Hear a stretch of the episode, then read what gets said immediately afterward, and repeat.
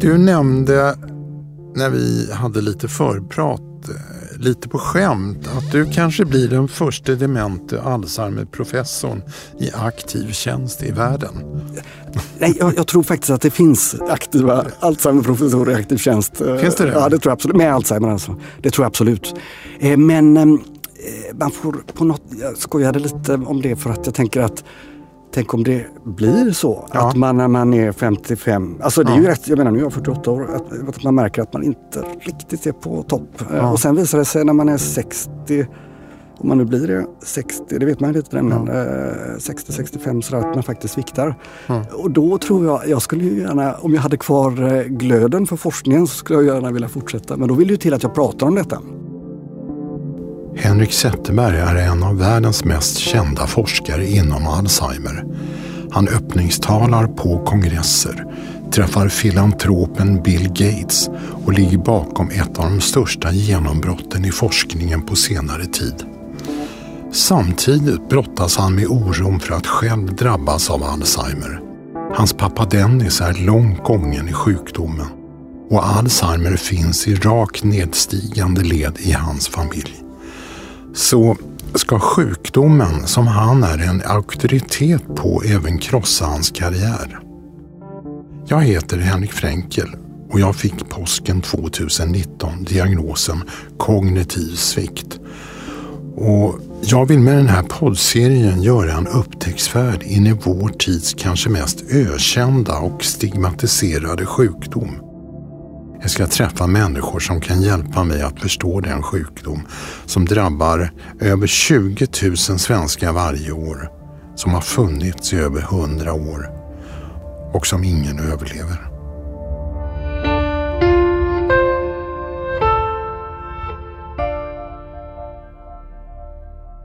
Och här i studion har jag så Henrik Zetterberg. Välkommen! Tack så mycket! Vad tänker du när du lyssnar på introt här? Ja, det var dramatiskt och jag tänkte att nej men så illa är det väl ändå inte. Eh, men det är klart, det finns vissa aspekter av det som ligger där lite grann och sådär. Och för mig har det varit eh, viktigt lite grann att, kunna prata om de här sjukdomarna och eh, även i, i, vår familj så har vi sagt det också att man får vara öppen om att de här, den här, det här problemet finns och att den öppenheten har hjälpt min pappa och mamma. Vi ska prata om det. Du var min första gäst här i podden en gång i tiden, för två år sedan. Kommer du ihåg vårt möte då? Absolut, verkligen. Jag kommer ihåg det mycket tydligt. Ja. Jag försökte i slutet av eh, podden provocera dig. Jag hade då haft min diagnos trolig Alzheimer i fyra månader som sedan ändrades till kognitiv svikt. Och jag frågade om du som forskare på världsnivå verkligen kunde leva dig in i hur det är att få diagnosen Alzheimer. Kommer du ihåg vad du svarade? Nej, det gör jag faktiskt inte. Du, du nämnde att du antagligen hade sjukdomen i familjen. Ja, ja, ja. ja. Nej, men så är det. Mm. Som många andra människor. Mm. Men jag var så upptagen av mig själv då så jag missade att ställa följdfrågor. Men det tänker jag göra nu. Det vill säga att din pappa Dennis har en rätt långt gången Alzheimer och att du vet att du själv är i riskzonen för att utveckla sjukdomen. Men först måste vi placera dig på kartan. Du inledningstalade i somras på en av världens ledande Alzheimerkonferenser. Du är chef för ett team av 80 forskare i Göteborg och London. Vad är det ni forskar på? Vi forskar på diagnostiska tester för Alzheimers sjukdom och andra neurodegenerativa sjukdomar. Mm. Och du och ditt team ligger alltså bakom det närmast epokgörande genombrottet att kunna spåra Alzheimer via enkla blodprover. Vi kommer tillbaka det, men förklara bara väldigt snabbt. Vad är patientnyttan med det? Ja, I dagsläget så är det ju inte någon omedelbar nytta utöver att diagnostiken kan bli enklare och mer specifik och att man kanske ställer rätt diagnos tidigare. Um, vi vill ju att detta ska kunna kopplas till effektiv behandling och tidig behandling innan nervcellerna har gått under av Alzheimers sjukdom. och då i dagsläget så kan man säga att markörerna används nu i kliniska prövningar för att komma in innan nervcellsförlusten blivit för uttalad mm. med eh, testläkemedel kan man säga. Mm. Men som sagt, vi kommer tillbaka till det. Jag gjorde i förra podden som vi hade, du och jag, en stor poäng att du både träffat Bill Gates och fått forskningsmedel från hans stiftelse. Hur går det samarbetet? Det går bra, men de är ju på en att vi ska redovisa och sådant. Och det, de är väldigt aktiva som, som anslagsgivare. Ja. Eh, så nu är det snart ett möte i New York skulle det varit, men vi, det blir över Zoom. Eh, där vi kommer att visa vad vi har gjort hittills och så. Och, eh, projektet går bra. Idén är lite att utveckla en del av de avancerade mätmetoderna för att mäta beta-amyloid som klumpar ihop sig i hjärnan vid mm. Alzheimers sjukdom med en enklare automatiserad analys som man skulle kunna köra på vilket labb som helst. Okej. Okay. Yes. Spännande. Men tillbaka till din pappa Dennis. Vem är han? Dennis är en jätteglad eh, 75-åring som eh, har varit banktjänsteman, jobbat i Göteborg, haft Värmland och Västergötland som distrikt, hållit på med finansiering av små och mellanstora företag. Mm. Och en eh, väldigt härlig eh, pappa och eh, farfar eh, till, och även morfar han också, just det, precis, eh, till sex barnbarn. Mm. Så hur märkte du att något var fel med din pappa? Ja, det, var, det är svårt att säga det och det är också en ganska... Det, för mig är det svårt att säga det faktiskt. Mm. Men jag minns ett par saker som eh, handlade om liksom vanliga samtal där frågor dök upp på samma sätt om igen lite för tidigt. Och då tänkte jag, vad är detta för något? Och då visade det sig att mamma hade noterat detta. Det är klart att eh, lever man tillsammans så, så um, blir det tydligare.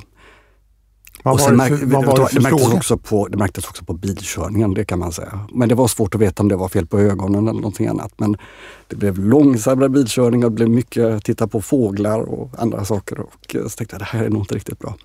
Eh, frågan som dök upp som jag verkligen minns, det är eh, som var till mig, det var hur går det med forskningen? Och jag berättade lite och så kom det igen, och hur går det med forskningen? tänkte, men det har jag precis dratt lite grann. Och med ungarna, så, eh, mina barn, så frågar han ofta hur det är i skolan. Och, men det är fantastiskt bra frågor och det funkar jättebra och sådär. Och, och, eh, han, eh, och vi pratar ju om det igen då, lite grann när det behövs. Mm. Vad trodde han själv att det var? Han tyckte inte det var några problem faktiskt. Så det tog lite tid innan, innan vi kom fram till mamma och syrran och jag att, och pratade med pappa också. Så, och då tyckte faktiskt inte pappa att det var några problem. Huvudet är det inget fel på, sa han. Eh, och, men till slut så var det ändå ganska uppenbart och eh, då kunde jag ju faktiskt säga det också att detta är ju det jag jobbar med. Undrar om inte detta är något eh, på gång här som liknar Alzheimer eller någonting annat som kan ge den här typen av symptom. Och då kom vi faktiskt överens om att skriva en egen remiss eh, tillsammans. Eller vi hjälptes åt att skriva den, som att remittera sig själv till minnesmottagningen. Man, men, mm. men man tycker det är lite konstigt, eh, behöver han en remiss och behöver han en diagnos? Han, han har ju liksom dig där hemma. Mm, du vet ju precis vad det är. Jag är ju en labbdoktor, jag kan ju ingenting om de här grejerna. Utan, alltså, det var jätteviktigt tror jag också att man kommer in så att det inte är anhöriga som håller på och gissar och sådär. Utan det, och jag, jag menar minnesmottagningen i Göteborg är jättetrevlig och eh, det var ganska lätt att göra reklam för den för pappa och säga att nu undrar om man inte ska kolla upp här lite hur det är med sköldkörteln och hur det är med kalcium och hur det är med kroppen i övrigt, hur det är med knoppen och om det är något eh, som ser ut som Alzheimer. Så han blev kallad och genomgick en, en, en sån minnesutredning som, som patienter som får remiss till minnesmottagningen gör. Och där var ju inte jag alls inkopplad utan eh, det var pappa och mamma som åkte dit och blev väldigt väl omhändertagna och utredda. Mm. Och vad visade den? Ja, då visade det en liten blandbild av eh, amyloida plack med biomarkörer som vid Alzheimer, men också lite andra vitsubstansförändringar och sådant. Så troligen är detta en liten blandad form Alzheimer och kanske lite kärl och sådant. Mm. Och då, det här var för fem, sex år sedan. Hur tog han det? nu ska vi se, jag kollade upp detta lite grann. 2018 var detta faktiskt. Jag tänkte att det Oj, var det var- lite längre sedan. Ja, det är bara tre Eh, år Det är bara sedan. tre år sedan precis. Men det kändes som att det var längre sedan när vi pratades vid innan podden. Ja. Eh, både mamma och pappa tackade detta jättebra faktiskt. Ehm, och för mammas del så var det viktigt med en diagnos för hon tyckte ett tag att eh, pappa hade blivit liksom lite um, tjatig och lite, eh, kanske lite initiativlös och sådant. Samtidigt så har båda två en härlig humor så det har varit mycket, det har varit mycket skoj i det här också. Då kan jag skoja lite om det. För pappas del så är det, innebär det att han får nu eh, behandling med eh, plåster, Exelon-plåster och går på regelbundna kontroller. Och man ska inte heller säga att inte, man kan inte säga att han är långt gången i sin demens, för de bor hemma eh, i huset och de har ingen hjälp. Men jag har hela tiden tänkt att borde jag vara mer aktiv för att se till att de får hjälp. Mm. Men när vi pratar om detta så tycker de att det funkar nu och att de har det bra. Men hur det- har han tagit det? Alltså det är ju en, det är en ganska förödande diagnos. Mm. Det är en besvärlig diagnos för det påverkar ens sätt att hålla kontakten liksom med sin... Allt som man liksom i vanliga fall kanske klarar av att hålla kontakten med kompisar, föreningsliv, eh, eh, släkt och vänner. Alltså det är faktiskt... Eh, och, och, och det har ju blivit så här att mamma är mer motorn i detta nu. Och hon lyckas hålla ihop det. Och, men pappa är jättesocial och han är fantastisk på att sitta och, och prata på altanen där de bor hemma med, med besökare och sådant. Men det är ändå så lite grann att i ett samtal så märker man ju också att han ibland tappar bort sig och vet inte riktigt vad, eh, vart samtalet ska bära av och sådär. Så det, eh, men han har en eh, fantastisk förmåga att kompensera för detta. Men det går inte helt och hållet, det kan man ju säga. Och det har blivit lite grann så att eh, i deras liv nu så är det mamma som sköter om kontakter och eh, så. Och så hänger farsan med. Och hur märker du, du av det? Ja, det kanske är lite på det här också att, eh, att eh, det är ju inte så längre i familjen att, att liksom pappa tar initiativ till att göra saker, eh, till att umgås, ordna grejer, resor och sånt. Det är ju inte alls på det viset utan, utan det har blivit så att de har ställt om sitt liv ganska tydligt och håller sig hemma i huset och gör en till två utflykter per dag. Har ganska sena månader. Eh, inte så, eh, verkligen reducera aktiviteterna. Och, ehm, eh, men jag måste säga att jag tycker det är rätt fint och de har det väldigt mysigt. Alltså. Det, det är, men det är ett annorlunda liv och det säger mamma också. Om hon tittar på hur ehm, eh, deras vänner som inte har drabbats av olika sjukdomar lever sina liv så är det ett väldigt annorlunda liv faktiskt och mycket mer eh, eh, vad ska man säga, fokuserat på ett fåtal aktiviteter. Men pappa själv är jättenöjd med detta. Och frågar man dem så säger de att de har det bra. Eh, även om man ibland kan se att mamma blir lite trött. Mm. Men de flesta patienter måste ju googla för att få information om sin sjukdom. Men din pappa kan ju bara fråga dig. Mm.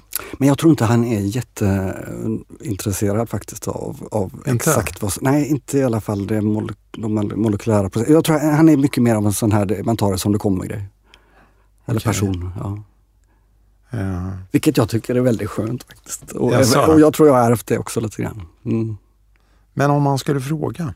Mm, Nej, jag, jag har pratat jättemycket om detta och hela den här diskussionen om eh, Alzheimerpatogenesen och amyloidklumparna och nervcellspåverkan och att de sprider sig över hjärnan och att det kan bli sämre och sådant. Det, eller bli sämre. Och nästan alltid blir det ju sämre med tiden. Eh, och, eh, så sånt har vi pratat om. Eh, och eh, symptomen med förstås. Närminnesvikten är tydlig på pappa och det är det som är det viktigaste symptomet. I övrigt så funkar han riktigt bra. Men du vet ju vad som kommer hända. Nej, det vet man aldrig. Här man inte det? Nej, med den här aldrig. sjukdomen? Aldrig någonsin. På individnivå kan man inte säga någonting. Och jo, så är det. han kommer bli, bli sämre. Ja, men rätt som det kanske det stannar upp eller så kanske man vet aldrig vad som händer i ett individuellt liv. Men kan Alzheimer stanna upp? Ja, det kan hända. Tittar man på longitudinella studier och följer enskilda individer så är Ja. det en röra. Men på gruppnivå så blir det den här besvärliga eh, Så det finns hopp ändå för Absolut, absolut. alla? Alla, ja. Och jag tycker det är viktigt budskap. Ja, för det tycker inte jag man hör läkare prata om. Nej, och jag tror att vi är lite mm, dåliga på att eh, tala om hur individuellt det är faktiskt. På gruppnivå så har sjukdomen en progress som är tydlig och den ser obönhörlig ut om man tar bort felstaplarna i diagrammen. Men på individnivå så är det väldigt svårt att berätta hur en enskild människa kommer att utvecklas över tid. Och det är faktiskt en sak som man ska vara lite försiktig med och också vara noga med att säga. Jag tycker att det är viktigt att säga att man kan och man vet inte heller vilken typ av symptom som kommer att förvärras. En del får ju mm. ångestproblematik eller kanske vänder på dygnet, jättebesvärliga symptom. Och en del har en närminnesstörning som finns där och kanske blir sämre men är hanterbar på något vis ändå. Så jag, jag tycker Alzheimers sjukdom har fått eh, ett lite oförtjänt Alltså det, är en, det är en jobbig sjukdom och det är också tråkigt att våra behandlingar inte är bättre än vad de är just nu. Men det händer mycket på den fronten. Men den behöver inte bli förfärlig.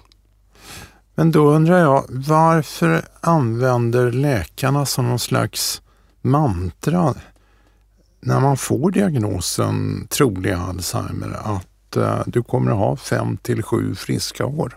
Ja, det är för mig helt obegripligt. Ska man sluta göra det? Ja, absolut. Däremot så får man ju berätta om sjukdomen och berätta på gruppnivå att det kan bli sämre och sådant. Men att säga till en enskild människa vad som kommer att hända i honom eller hennes liv, det går inte. Mm. Jag hoppas att alla läkare ute på landets minnesmottagningar lyssnar verkligen på det, på det här. Du är ju verkligen anhörig till en Alzheimer-sjuk pappa.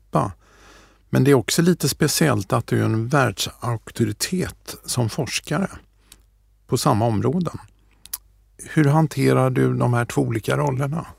Ja, det är har, lite märkligt. Det är lite märkligt. Jag har inte tänkt så mycket på det faktiskt. Men jag har tänkt mer på det på sistone eh, ändå. För ehm, eh, ja, nu när man liksom som till exempel du gör, pratar om de här sjukdomarna, mm. ordnar poddar och vi har, vi har liksom, ja. eh, jag var nu i måndag så pratade jag Lerum för en anhörig, på en anhöriggrupp och sådant. Och, och jag, på något vis har jag känt att de diagnostiska verktygen vi har nu gör att man kommer ställa kan ställa Alzheimer-diagnoser tidigare. Mm.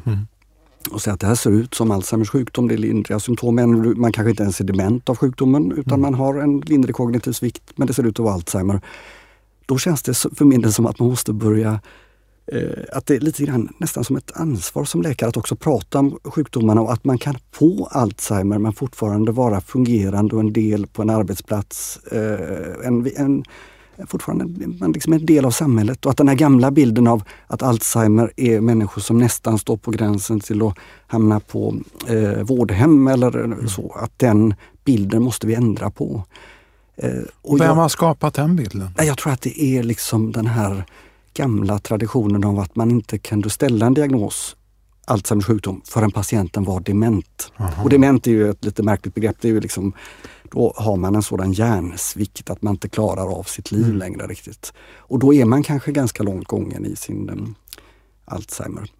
Mm. Men du, mer än kanske någon annan, vet ju också eh, hur förödande den här sjukdomen kan bli för din pappa. V vad tänker du om det? Du... Jag tänker egentligen att man, det här så jag tänker här och nu faktiskt. Och nu eh, har de det faktiskt jättebra. Jag tänkte ja. också nu när jag visste att jag skulle hit så träffade jag dem lite i helgen här och eh, vi eh, hade det jättemysigt. Och pappa är glad. Han har sin närminnesvikt och mamma fixar med grejer och farsan sitt, hänger med.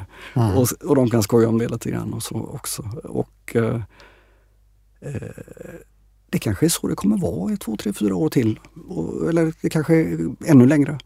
Eller så tillkommer det någonting. Mm. Och då måste, eller det kan hända mamma någonting också, det vet mm. man ju mm. aldrig. Och om det händer mamma någonting nu, då brakar det ihop. Då, då får jag och syrran flytta hem en sväng tror jag. till. Men det, det, skulle inte heller göra någonting. Och så hade vi fått, då Men kan vi, du tänka dig det? Absolut, och så får vi sen under den tiden, den akuta tiden, så får man ju få hjälp då ja. av sjukvården. Men det, det, alltså, det, det är en ganska speciell bild att eh, du då som världskänd forskare, du åker eh, runt på stora forskarkongresser som du gör runt om i världen och du pratar om utvecklingen inom forskningen. Och så kanske du får åka hem och vårda din pappa. Mm, men det är ju så att eh, jag, jag, tycker inte det är så konstigt. Det är en del liksom att vara en del av en familj och folk får olika sjukdomar och behöver hjälp på olika sätt. Och ibland är det bättre i en familj, ibland är det sämre. Mm. Det är... Ja, kanske det här låter väldigt oreflekterande men jag tänker att detta, det, det får bli som det blir. Mm. Men om man vänder på det, tycker du att du blir en bättre forskare av att ha Alzheimer i din egen familj? Nej, jag tror inte det. Men däremot så tror jag möjligen att jag har att jag kanske tänker lite, lite mer på, eller jag har ju fått erfarenheter av vad det innebär att ehm, med diagnostiken, om, eh, jag har verkligen fått första hands erfarenheter av att det var bra för mamma att få reda på att pappa hade fått en hjärnsjukdom och inte bara var ointresserad eller något sådant eller tappat liksom gnistan och legat av sig eller sådär. Mm. Liksom. Utan eh, så det var bra och sen har han ju fått behandling också och det var också bra. Eh, och sen i behandlingarna som finns nu, det är inga dunderbehandlingar på något vis. Eh, men lite grann gör det väl att man kanske ser ehm, diagnostik, om forskningen, min forskning är fokuserad på diagnostiska verktyg, mm. att man ser deras roll på något vis i dagens mm. sjukvård tydligare. Nytta, nyttan av det? Nyttan av det och sen också kanske att man eh, får en lit, ja, lite mer tankeställare om eh, betydelsen av dem.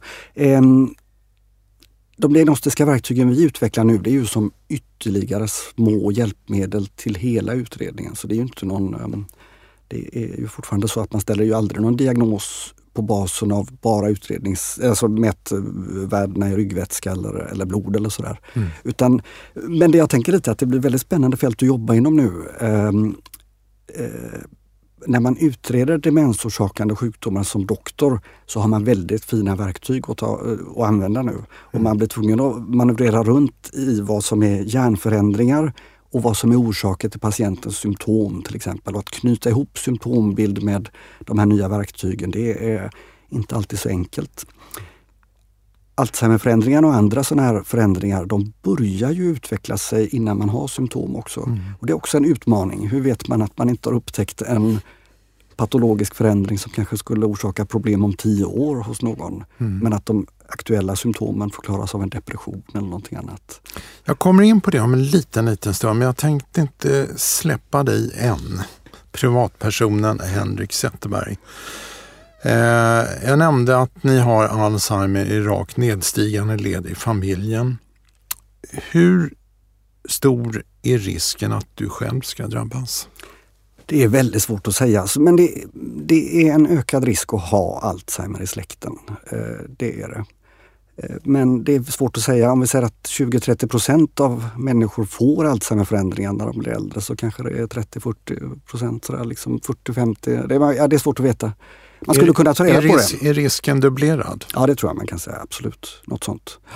Eh, men mm. eh, som sagt på individnivå så är det man kan ju säga att det, det är lite fullt, halvfullt glas eller halvtomt glas. Eh, mm. Sådär. Vi kanske inte har cancer i släkten. Mm, det är bra. Ja.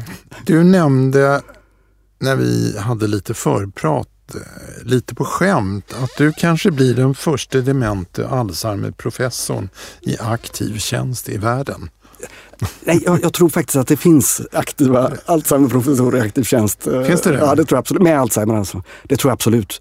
Eh, men eh, man får på något, jag skojade lite om det för att jag tänker att Tänk om det blir så ja. att man när man är 55, alltså det är ja. ju rätt, jag menar nu är jag 48 år, att, att, man märker att man inte riktigt är på topp. Eh, ja. Och sen visar det sig när man är 60, om man nu blir det 60, det vet man inte men ja. 60-65 sådär att man faktiskt sviktar.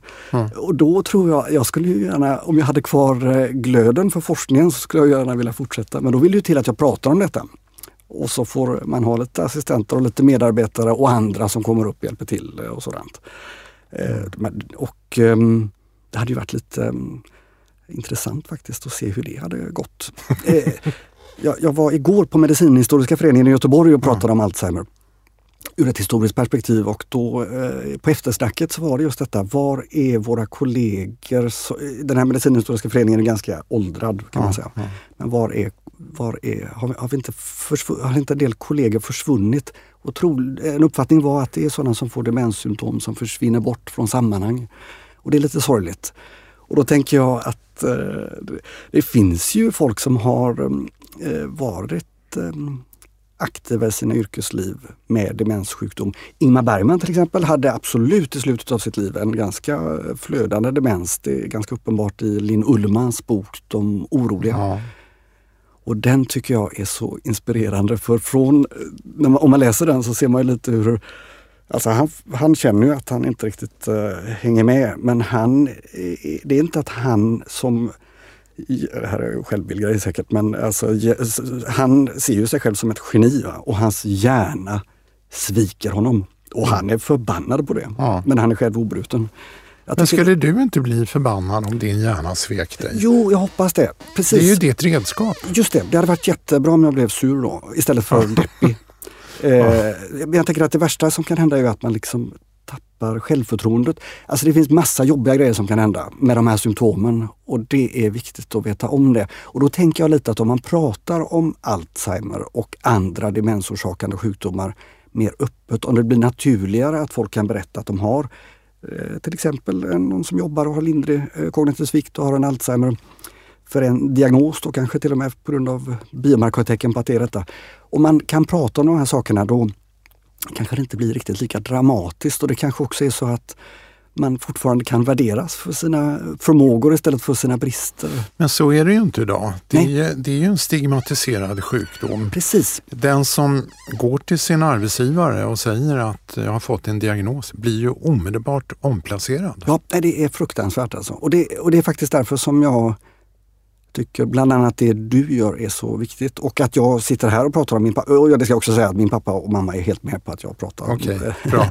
Tack. för, för det är, de ser det på samma sätt. Så pappa har berättat för sina vänner att han har äh, demenssjukdom. Det, Alzheimer är det ju nog lite grann, men lite blandsjukdom. Äh, och att han har de här problemen där de bor vet, vet grannar och folk om det och sådant. Mm. Och, äh, det hjälper att göra det.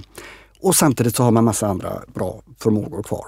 Och, Men det här att du, det finns i familjen, har du mer bråttom att hinna med mycket forskning? Nej, men jag tror att jag alltid har varit sån faktiskt. Jag tror inte det har med det här Du har alltid bråttom? Ja, lite bråttom och lite att det är kul när det händer grejer. Ja. Så jag tror inte det har kommit fram av detta. Mm. Men eh, det är klart att det, det hade ju varit kul om man nu får en diagnos till slut att man har Alzheimerförändringar. Om man då kunde bemötas av att man får testa ett uh, läkemedel som faktiskt kan bromsa upp sjukdomen mm. så hade det ju varit fantastiskt. Mm. Um, Men du är 48 år idag och uh, Alzheimer börjar utvecklas redan i din ålder egentligen? Mm, hos vissa gör det. Ja. Och hos andra så kommer det kanske, alltså förändringarna kan ju dyka upp. Och det kan dröja 10, 15, 20 år innan man ser symptomen. Precis. Mm. Eh, och jag nämnde också att du är en av forskarna bakom den här nya diagnosmetoden med enkla blodtester som vi ska prata om. Mm. Och då är min självklara fråga, har du testat dig själv? Absolut inte. Jag skulle inte drömma om att göra det. Oh, jag nästan ryser när du frågar mig. Varför inte? Nej, jag vill absolut inte veta detta. Varför inte det? Nej, det är ju en eh, djupt personlig fråga, så det är inget allmänt råd till folk. Jag har inga symptom.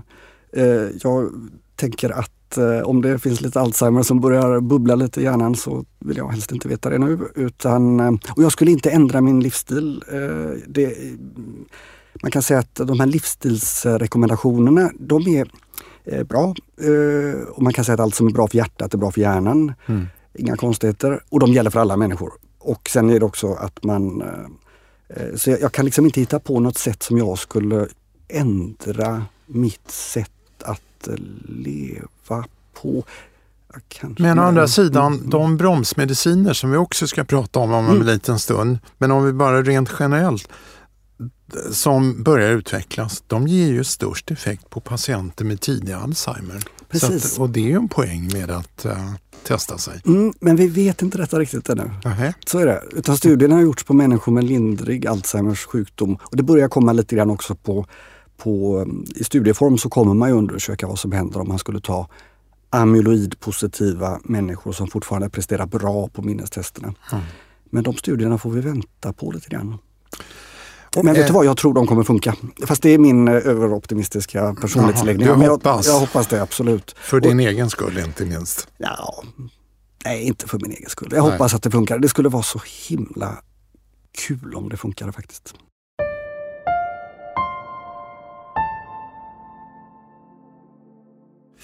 Vi ska höja blicken nu och titta på forskningen. Vi ska släppa sonen och privatpersonen Henrik Zetterberg och prata med den världskände forskaren. Eh, jag nämnde att ni har, du och ditt team har tagit fram eh, blodprov som diagnosmetod. När det kom ut i tidningarna så blev det en världsnyhet. Eh, New York Times hade det på första sidan och då blir det ju en världsnyhet. Jag har inte riktigt fattat det här. Hur ska det gå till i praktiken? Hur man ska rulla ut de här testerna? Ja. ja vi gör det nu alltså. Så nu håller vi på att sätta igång med att um, titta på hur stabilt vi kan mäta de här fosfotau-formerna som finns i blodprover vecka till vecka och vi håller på att göra referensgränser. Vad är normalt? Vad är onormalt? Det har vi ganska mycket data på redan från studierna mm. vi har gjort.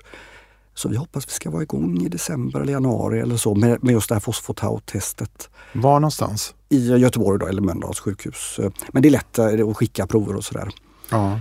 Och då kör vi på en speciell plattform som inte finns över hela världen. Men instrumenten börjar bli lite mer vanligt förekommande. Eh, ja, de finns över hela världen men de finns inte i vanlig klinisk kemi. Men, men själva metoden är ett blodprov och ett enkelt minnestest och det ska ge över 90 procents träffsäkerhet? Ja, nej, det är inte metoden utan vår, vi siktar bara på att mätmetoden för den här biomarkören är korrekt. Okay. Men sen behövs en fullständig utredning så den kommer aldrig stå i något sån här enkelt um, det är inte så att man kommer att börja eh, ställa diagnoser på basen av ett blodtest och ett enkelt minnestest utan det blir som ett ytterligare verktyg i dagsläget vid en utredning av en professionell, en duktig kliniker som kan hålla i det.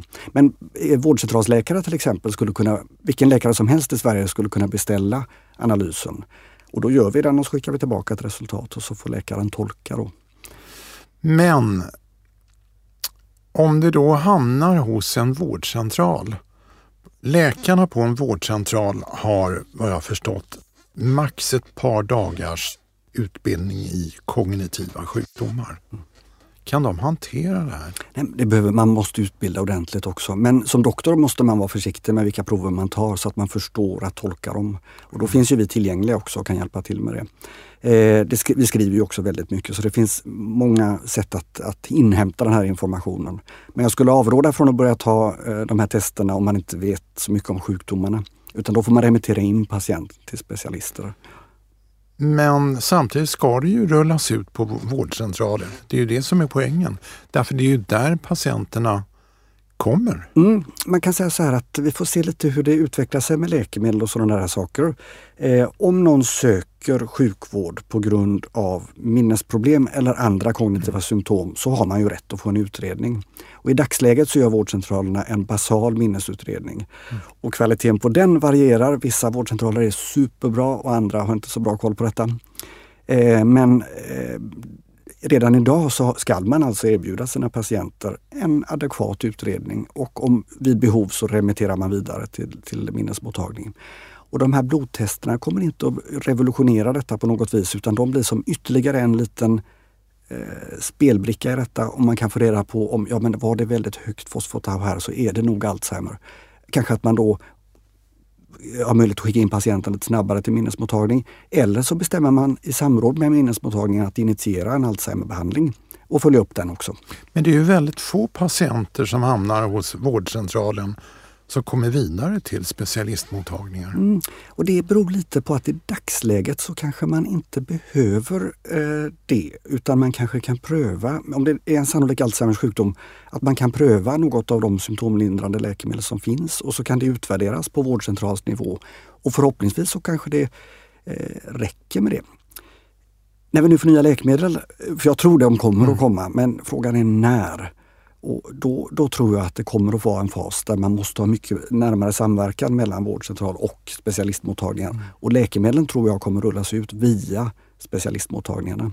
Okay. Eh, och, eh, så, så jag är ändå förhoppningsfull om att man, detta är ju en folksjukdom, eller folksjukdomar ska man säga, och de är, eh, behöver, man behöver kunna utreda dem och man kanske behöver bygga om sjukvårdssystemen i, det är inte bara i Sverige utan i hela, hela världen, för att kunna ta hand om de här sjukdomarna på ett bra sätt. Hur då? Ja, genom att um, utbilda och lägga mer resurser på de här sjukdomarna. Och sen måste Redan också, i primärvården? Ja det tror jag absolut. Alltså, för det är för många patienter som, eh, för att specialistmottagningarna ska kunna ta hand om det. Men eh, samtidigt så, eh, om man tänker sig astma till exempel, så har vi ju astmasjuksköterskor i primärvården och det finns det ju också på många ställen demenssjuksköterskor och det finns subspecialiserade läkare som har hand om diabetes eller astma eller andra. Hypertoni kan det vara någon av distriktsläkarna som är lite subspecialiserad inom. Mm. Och jag tror vi kommer se det inom demensfältet också. Det händer redan fast det går lite långsamt. Men om man går till primärvården och man gör en utredning så är kanske läkarna lite försiktiga med att utdela diagnosen. Men om man nu får ett, blod, ett blodtest och eh, rätt tydliga svar, då kommer ju väldigt många fler att få den här diagnosen mm. vid sittande bord. Ja, jag tror ändå man kommer att vara lite försiktig med att ge diagnosen. Utan man får säga att det här ser ut som att... Varför det tror du det? Jo, eh, det ligger i eh, ämnets natur. Eh, så blodtestet kommer att visa om det verkar vara förändringar i hjärnan som vid Alzheimers sjukdom. Det är inte svartvitt men det kommer att ge indikationer på det. Och då får man lägga det här pusslet ändå. Hur är det med de kognitiva symptomen? Är det en progress eller är det inte en progress? Man kan absolut säga att om det är lindriga symptom och det inte verkar hända så mycket och fosfotau är högt som tecken på att det är mm. Alzheimer på gång, så får man ändå följa kliniskt och se lite grann hur det går och så. Så jag tror man ska avdramatisera allt detta. Eh, om man tänker sig hur leverspecialister arbetar med levertesterna mm. så gör man ju en utredning där man mäter 4-5 leverproteiner och sen mm. säger man att ja, men det här verkar vara ganska normalt nu. Det är, hög det, det, är ingen aktivitet nu i denna sjukdomen. Vi vågar inte ställa diagnos. Men nu så kom det ett skov och nu blev, eh, nu blev liksom eh, leverenzymerna lite onormala igen vi kanske får gå vidare och göra en liten eh, vidare undersökning med ultraljud. Och man, mm. Eh, man, man, lägger ett pussel med många olika delar och det är precis de ytterligare delarna att ha biokemiska tester för hjärnförändringar. Det är det som jag tror vi har bidragit med nu. Men det är en pusselbit i ett större sammanhang. Det är en pusselbit men det kan vara en avgörande pusselbit som gör att läkaren vågar ställa diagnosen? Ja, möjligen lite så kan det vara. Att det kan liksom hjälpa till att säga att ja, men det är nog någonting. Men då har man ändå den situationen att man eh, har sin, antingen man själv patient eller man sitter med sin patient, att då är det lite grann att se vart bär detta iväg. Man kanske har ett återbesök om sex månader, man kanske får lite hjälp med de symptom som nu är aktuella. Eh, mm. och eh, man kanske sätter in en symptomlindrande medicin, man följer upp, man trappar upp medicinen. Man, ja. Så det är ändå så att man ska liksom inte bli övergiven med någon diagnos. Och, um, att diagnos... men, det blir, men det blir man ju. Ja, det är inte rätt. Det är fel alltså. men inte, man blir ju ja, ja, jag menar, det är verkligen så, inte, så är det, är det, det är verkligen inte bra. eh, verkligen dåligt. Därför du pratar om, om som om eh, vi hade vårdplaner och liknande. Mm.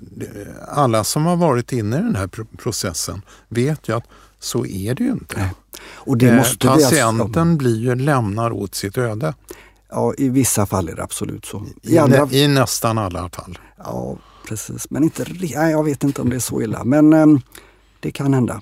Det kan hända och det är inte bra. Utan man måste ha vårdplaner och man måste ha äh, utrednings ja, standardiserade uh, utredningsförlopp och att man även kan förstås improvisera i relation till vad patienten har för egna bekymmer och önskemål. Eh, så det behövs göras mycket inom detta fältet. En effekt av det här kan ju bli, eller kommer antagligen bli, att det är väldigt många fler, tusentals, kanske tiotusentals människor som kommer få diagnosen Alzheimer i ett tidigare skede. Mm. Det kan hända att, det, att diagnoserna kommer tidigare, precis. Ja. Och det är därför det är viktigt också att vi... Um... Och de blir krossade, förtvivlade, går in i depression Eller? Nej, jag tror inte det behöver vara på det viset. Utan de kanske får reda på att ja, men, de här symptomen verkar vara på basen av en sjukdom i min hjärna och det stämmer. Men du vill ju inte själv veta om det. Nej, men jag har inga symptom. Det, men när jag börjar få symptom då kommer jag att åka till minnesmottagningen om det inte finns på vårdcentralsnivå redan då och, och be om att bli utredd. Jag får skriva en egen remiss på mig själv. Ja, du får göra det. Då kommer vi till det andra stora genombrottet i forskningen. Den amerikanska läkemedelsmyndigheten FDA godkände i juni den första så kallade bromsmedicinen någonsin. Eh, det är alltså Biogenes Aduhelm. Vad tänker du om det genombrottet? Mm. Det är, jag blev faktiskt väldigt glad men det har blivit extremt omdiskuterat. Jag, ja. jag, är, vi kan absolut prata om det här. Jag tänkte så här att när jag läste, om, när jag läste utlåtandet från den amerikanska läkemedelsmyndigheten, det var mycket kort och det var mycket mm. välformulerat tyckte jag. Då sa de så här att okej, okay, eh, det är obestridligt att det här läkemedlet minskar de amyloida placken vid Alzheimers sjukdom.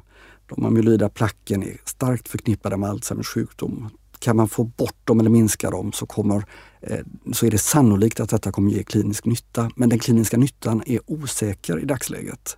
Vi tycker ändå att vi kan ge ett sånt här fast track approval. Mm. Och jag tyckte det var väldigt fint skrivet att eh, liksom, nu vågar vi satsa på detta. Men man måste säga att de, eh, datan från studierna är, är, är obestridliga vad gäller det här med amyloideffekterna av läkemedlet. Mm. Men den kliniska nyttan är väldigt svår att bena ut hur stor den är. Eh, då kan man ju tänka så här, var det, var det bra att det blev godkänt här nu då, på det här viset i USA? Det ställer till det lite för, för neurologer och psykiatriker och, och, och, eh, i USA. Det blir väldigt svårt att veta lite hur man exakt ska använda det här läkemedlet och hur ska man utvärdera det? När ska man sluta med det? Och det är jätte, jättedyrt också. Eh, är det värt det? Eh, och där står man lite nu och försöker att bena ut detta. Men godkännandet, effekterna som godkännandet fick var omedelbara. Det blev genast massa möten. Briljanta personer gick ihop och sa hur ska vi utreda Alzheimer bäst? Vi måste skriva program för detta. Det drog igång en massa eh, eh, intellektuellt eh, stimulerande diskussioner som jag tror kommer gagna patienterna och utredningarna. Det, blev en, det satte igång en massa saker. Och eh, bara efter några månader så hade en av eh, USAs jättefina Alzheimerläkare eh, Jeff Cumming skrivit en, en, en appropriate use criteria nästan för så här tycker vi att läkemedlet ska användas och specificerat det tillsammans med hur utredningen ska gå till. Och det tror jag inte hade hänt om inte läkemedlet blev godkänt. Sen har det hänt en massa saker efter läkemedlets godkännande också.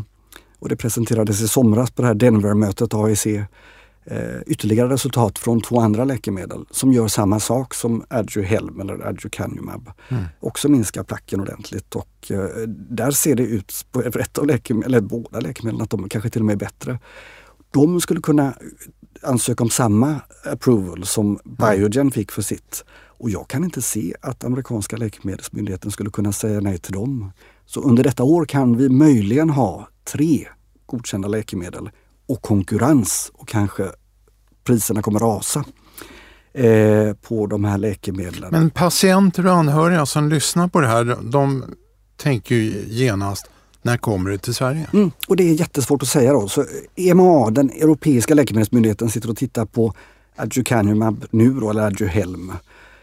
Och om EMA säger någonting i stil med att man också kan göra en, eh, man kan förskriva läkemedlet inom ramen för studier eller något sådant till exempel. Eller att om de till och med skulle ge ett godkännande, vilket jag faktiskt inte tror. Du tror inte det? Nej, jag tror att det kommer vara svårare i Europa. Eh, Varför det? Därför att det har varit så för andra läkemedel. Det är lite... Fast jag vet, nu är, Är tröskeln högre här? I... Mm, möjligen lite. Alltså. Eh, fast det är lite olika på olika vårdområden. Det gick ju ganska fort med aids. Men det kommer ju leda till att svenska patienter kanske måste åka över till USA? Ja, man kan säga att efter EMA så kommer ju även svenska Läkemedelsverket behöva säga sitt. Det kommer göras ja. en eh, hälsoekonomisk kalkyl. Och om priset håller sig på Aduhelm eh, så kommer den all, det kommer inte funka. Det är en det kommer, halv miljon per patient ja, det kommer, det kommer inte bli godkänt i Sverige. Är det hälsoekonomiskt motiverat? Jag tror, jag tror, inte det faktiskt. Jag tror att man kan räkna på det. det. Man kommer bli tvungen att räkna på det och jag tror att det kommer vara svårt att få, få till det. Men kanske att de här, den här konkurrensen vi nu ser kommer att göra att läkemedelskostnaderna går ner. Man kan också tänka sig att ett företag som har ett läkemedel där den kliniska effekten är osäker kanske, kanske eh, det företaget eller liknande företag vågar säga att vi subventionerar läkemedlet jättemycket om vi kan inhämta den informationen från patienterna om att kunna säga till patienten att den kliniska effekten av detta är lite osäker. Vill du vara med så kan vi ändå eh, göra det inom ramen för en studie och att det kan göras på, till betydligt lägre kostnader. Eh, så vi får se vad som händer nu. Det blir jättespännande.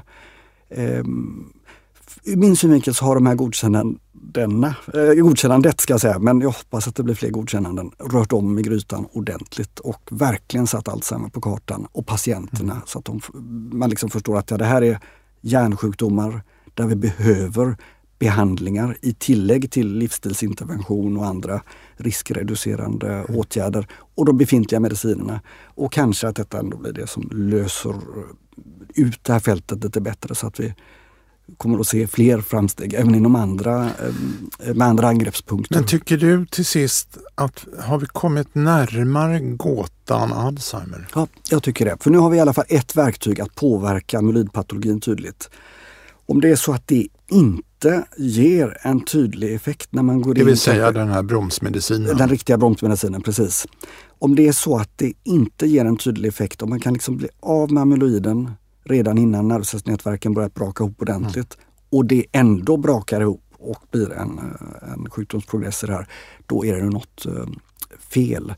Eh, och det, kommer, det, skulle vara en ganska allvarlig kris för fältet faktiskt. Eh, men, ehm, det vill säga om det visar sig att medicinen biter på amyloiden mm. Men, men det var inte det som var felet. Ja, exakt, exakt. Och då, det vore ju ja, det vore fruktansvärt. Alltså, och, Hela din forskning bygger ju på det. Nej. oj, oj, jag var snabb att säga nej. Nej, men vi, vi tittar ju på eh, hjärnförändringarna i Alzheimers sjukdom och det, ja. de finns där.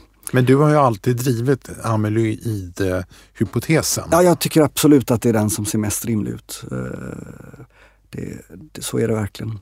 Men, eh, och det skulle vara ett allvarligt bakslag, absolut. absolut. Och jag tycker också att det skulle nästan skaka om mig lite i fundamenten för eh, hur man tolkar data och vad man... Mm. Eh, för jag kan liksom inte riktigt få ihop genetiken, de biokemiska effekterna av upprenat betaamyloidprotein på nervcellsnätverk, musmodellerna och hur det ser ut på människor eh, när man mäter upp de här patologierna. Jag kan inte få ihop det med något annat än amyloidkaskadhypotesen. Mm. Och är den fel då så är det ju en, eh, då är det något verkligen grundläggande problem som vi har missat. Mm. Men om vi kommer tillbaka till sist till människan Henrik Zetterberg och knyter ihop säcken. Skulle du vilja att din pappa fick testa det här, den här bromsmedicinen om den nu kommer till Sverige? Nej, jag tror att det är lite för allvarlig nervcellspåverkan faktiskt. Han, han, är för långt gången? Han är lite för långt gången alltså. Och sen är det också den här blandbilden som man har lite grann då med en del andra hjärnförändringar också. Så, det, eh, så jag tror inte den skulle hjälpa honom faktiskt. Så du skulle inte åka över till USA och prångla hem lite? Nej, det skulle jag inte göra faktiskt.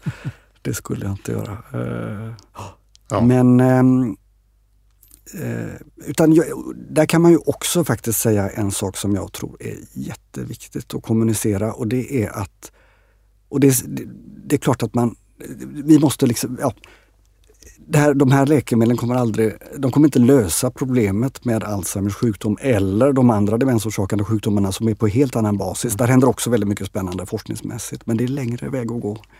Utan vi kommer behöva ett samhälle där man tar hand om folk som får demenssymptom och progressiv sjukdom och att det kan bli en bra ålderdom trots dessa sjukdomarna.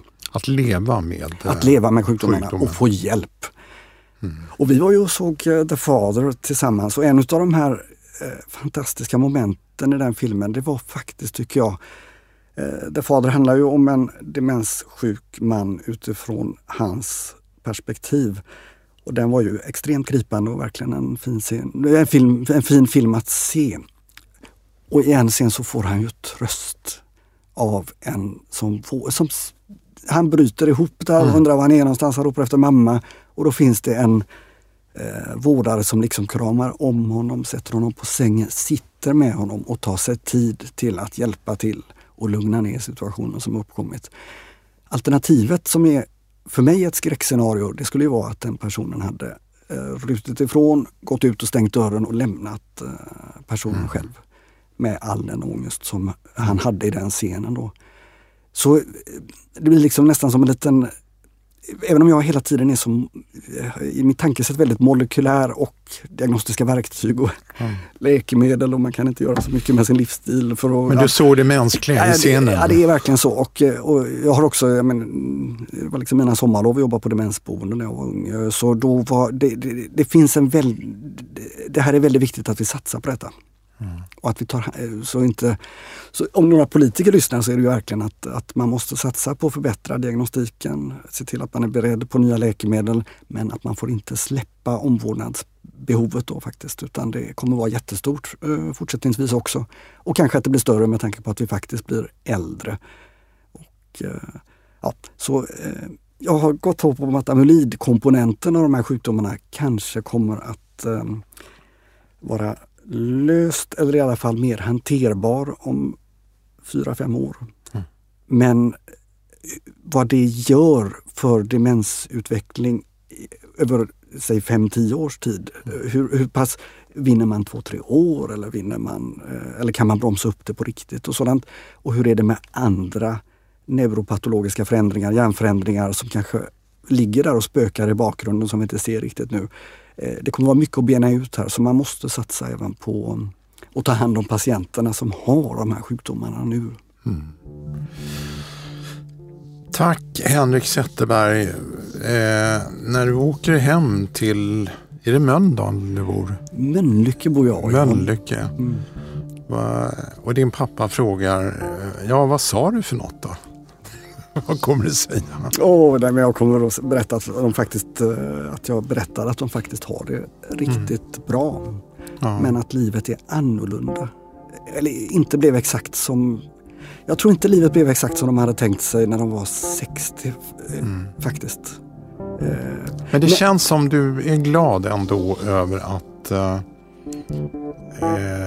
via dina föräldrar så är inte din sjukdom så, så skrämmande. Ja, lite åt det hållet eh, kan man nog faktiskt säga. Precis. precis. Mm. Ja, det var, en, det var fint sagt. Mm. Vad bra. Tack Henrik Zetterberg. Eh, vi kommer säkerligen att träffas i eh, lite andra sammanhang också. Och tack till alla ni som har lyssnat. Vill ni ha ett mejl när nästa podd kommer så anmäl er på poddspelare som Podcaster och Spotify. Eller varför inte gå in på vår hemsida alzheimerlife.se och anmäl er för de löpande nyhetsbreven. Tack! Bloggen och podcasten Hjälp har jag Alzheimer har också en insamling till förmån för kognitiva sjukdomar. Podden Hjälp har jag Alzheimer produceras av stiftelsen Alzheimer Life och görs på Beppo. Beppo.